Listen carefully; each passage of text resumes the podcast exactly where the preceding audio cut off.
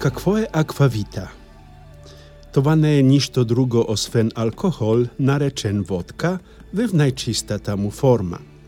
В Блискија исток, особено в Арабија, водката се исползвала од древни времена за медицински и лечебни цели.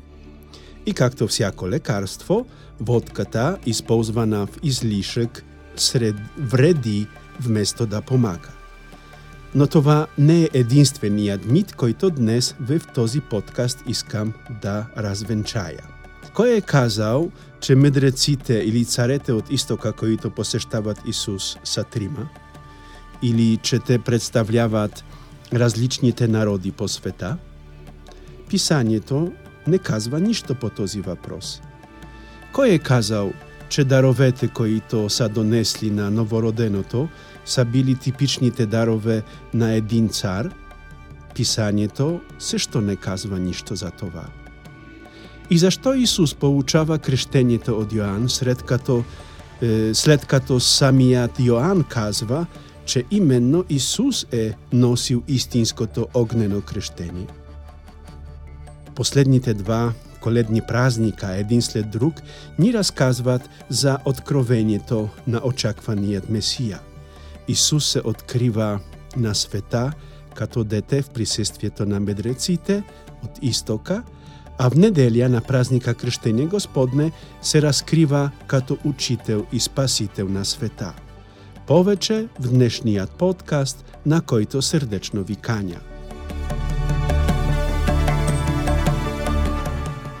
Аз сум отец Кшиштоф, аз сум капуцин, живеја в Инсбрук и од две години вече записвам тези подкасти с моите размишлења за неделните четива. Е, моите размишлења можете да чуете под название на латиница ја podbean.com и ще ги намерите во всяка собота од 10 од 12 часа българското време. Покарвам ви срдечно на сервера ја www.podbin.com.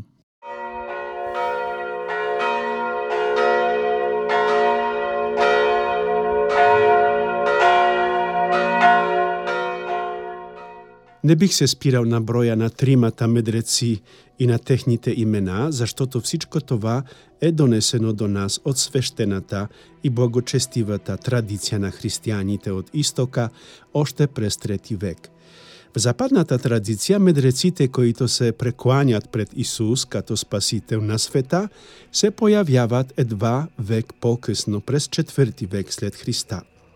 Следователно, честването на посештењето на медреците од Истока предхожда празнуването на Коледа, којато за нас на Запад е особено семеен празник.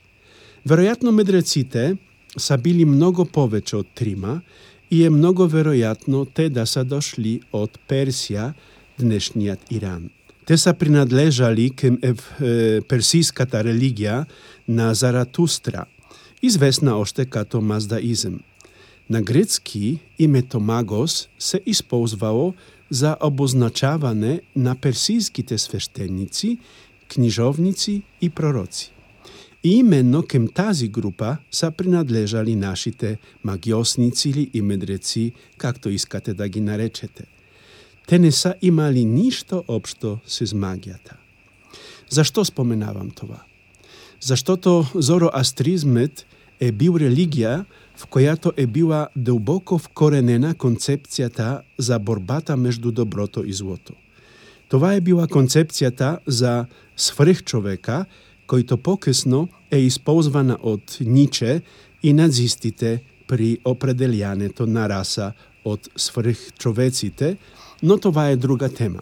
Това което мене ме интересува е, че в тази религија е съществувало силно убеждение, че треба да се роди човек помошник од девица, за да може доброто да вестржествува над злото.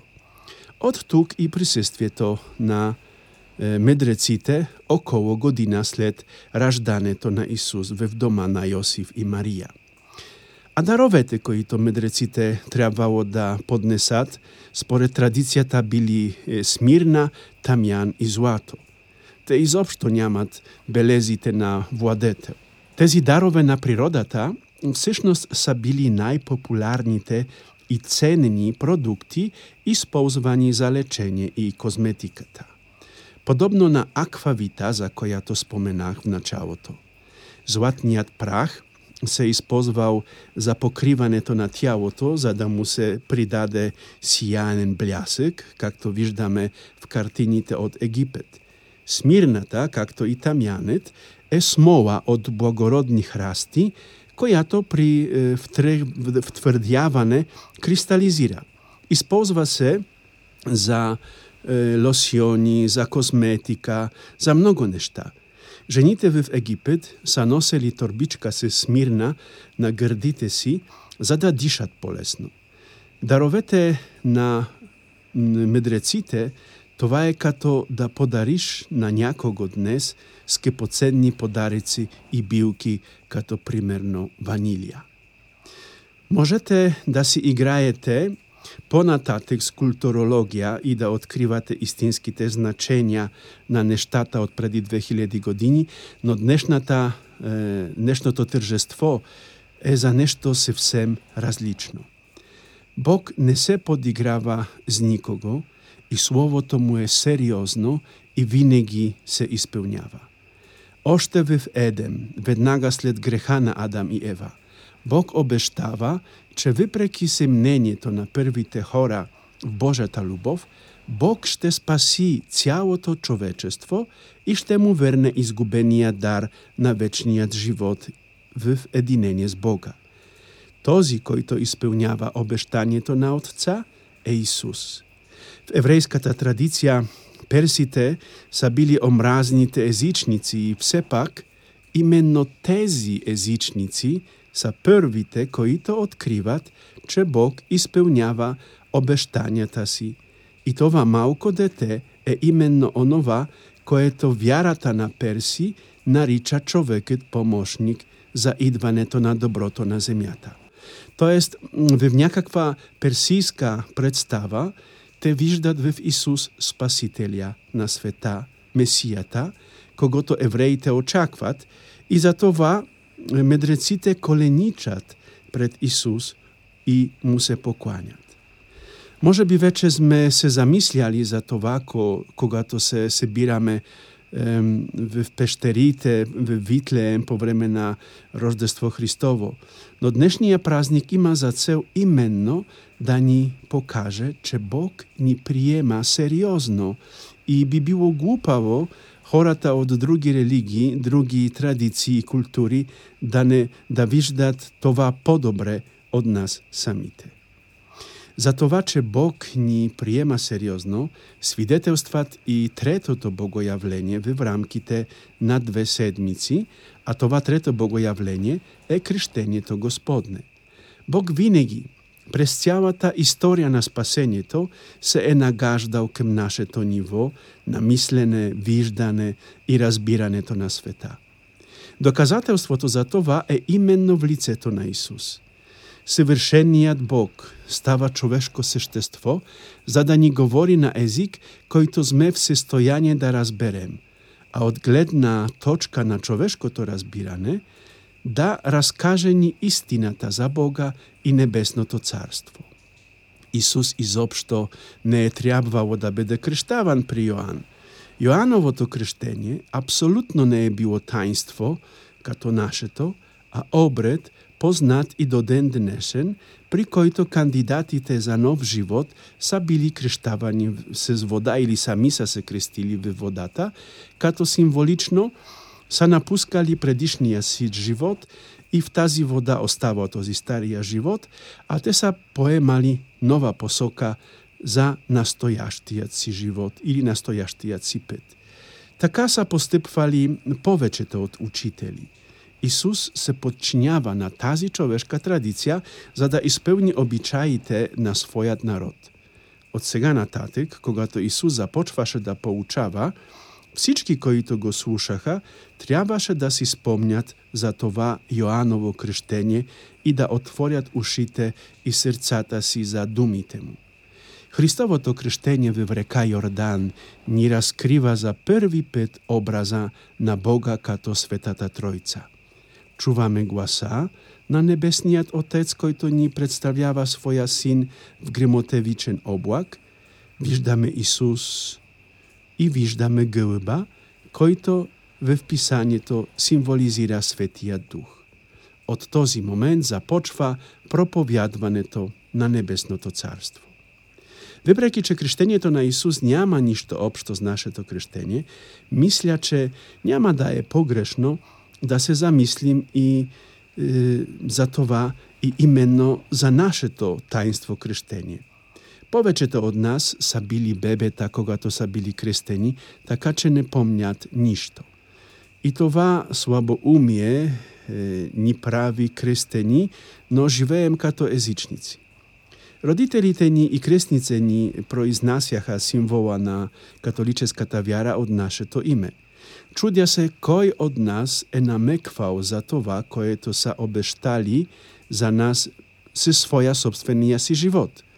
Повечето католици никога не са започнали да живеат така, както са обештали при крштението. Не критикувам никого, не, не, а сказвам нештата такива, каквито са.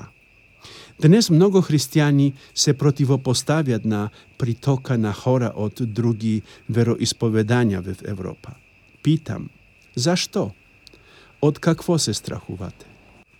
Нека да оставим на страна политиката и факта, че вместо да ни заштитават, нашите правителства използват особено агресивните мусулмански групи за да се борят срещу христијанството. Това е вярно, но аз не развивам тази тема. Имам предвид нешто друго. Ние се страхуваме од тях, защото тези хора од други вероисповедања познаваат својата религија подобре отколкото ние познаваме нашата. Ето зашто се страхуваме од тях. Заштото не можем да објасним нашата вјара. Те четат Корана или книгите на Будда всеки ден – Ние четеме Светото Писание само по коледа, не искам да казвам, че тези, които крештят најмногу, са тези, които знаят најмалко за христијанската си вяра.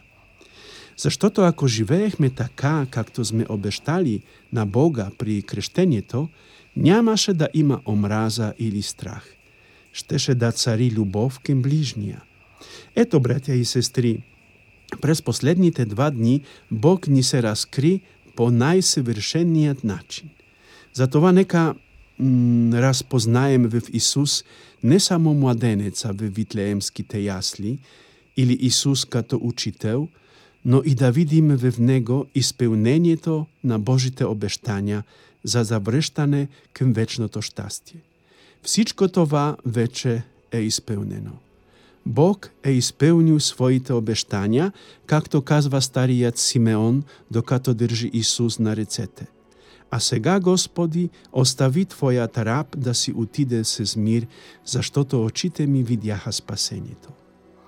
Можеш ли да кажеш днес, братко и сестро, че во всебитјата на коледа си видял исполнението на Божите обештања и че си видял спасението? Амин.